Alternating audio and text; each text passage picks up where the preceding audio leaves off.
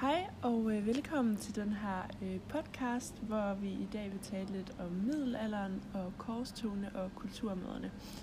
Øhm, og vi kommer ind på lidt forskelligt i den her podcast, både omkring noget med, hvor stor en rolle religionen spillede, øh, noget om de her korstog og hvad vi kan bruge den til i nutiden. Ja. Religionen spillede en central rolle i middelalderen. I Europa var den mest udbredte religion kristendommen, hvor man troede på Gud og gik meget op i kirken. Kirken blev gennem middelalderen utrolig magtfuld og spillede dermed også en stor rolle i samfundet. Derfor fik kirkens præster og biskopper stor magt. Det skabte en magtkonflikt mellem kongen og paven, da de indbyrdes kæmpede for at have mest magt i samfundet. Grunden til, at kirken fik så stor en magt i samfundet, var, at folket betalte tiende til kirken, hvilket svarede til 10 procent af deres indkomst. Det gjorde, at kirken kunne opføre store og imponerende kirker, som signalerede deres rigdom og prestige. Dog så fik islam gennem middelalderen en gradvis øh, større rolle. Islam har flere fællestræk med kristendommen, som at de begge ønskede at udbrede deres tro til verden, fordi at de mente, at deres tro var den rigtige. Samtidig så havde de også begge en Gud, som de troede på, som var henholdsvis Allah og Gud. Og de havde også hver deres hellige bog, øhm, som var Koranen og Bibelen.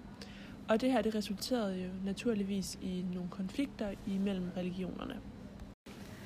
Derfor drog både kristne og muslimer på korstogene for at udbrede deres egen religion, fordi de mente, at den var den rigtige at tro på. Korstogene blev set som et missionært formål om at få folket til at konvertere til en anden religion. Et eksempel på et korstog var, da de kristne ønskede at befri Jerusalem, da det er en hellig by, fordi Jesus både er korsfæstet og begravet der.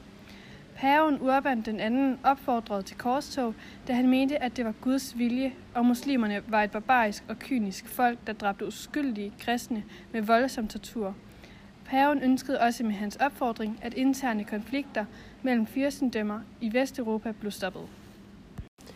Korstoget det blev en succes, da de inden for få år havde erobret sig frem til Jerusalem, hvor der var tale om en omfattende massakre på muslimske og jødiske folk.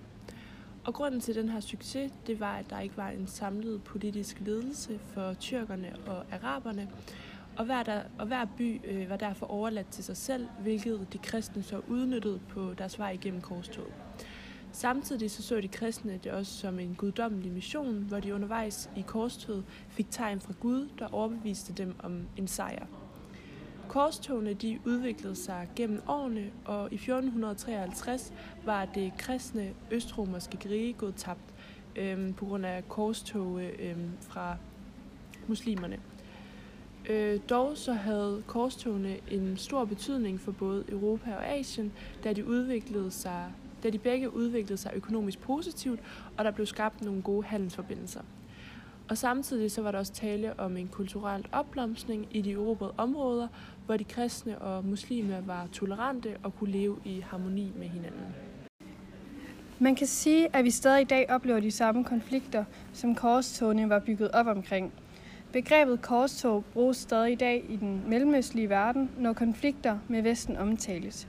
Som f.eks. i Afghanistan, hvor de mener, at vi går ind og angriber deres land på grund af deres muslimske tro, men hvor vi i virkeligheden gør det på grund af den trussel, de udgør for os i forhold til risikoen for terror. Det vi kan lære af fortidens korstog er, at vi på nogle punkter ikke har ændret os, og altså stadig står for nogle af de samme problematikker, som de gjorde i middelalderen. I nutiden der er vi blevet mere civiliseret, og derfor så gør vi altså ikke brug af de her korstog længere.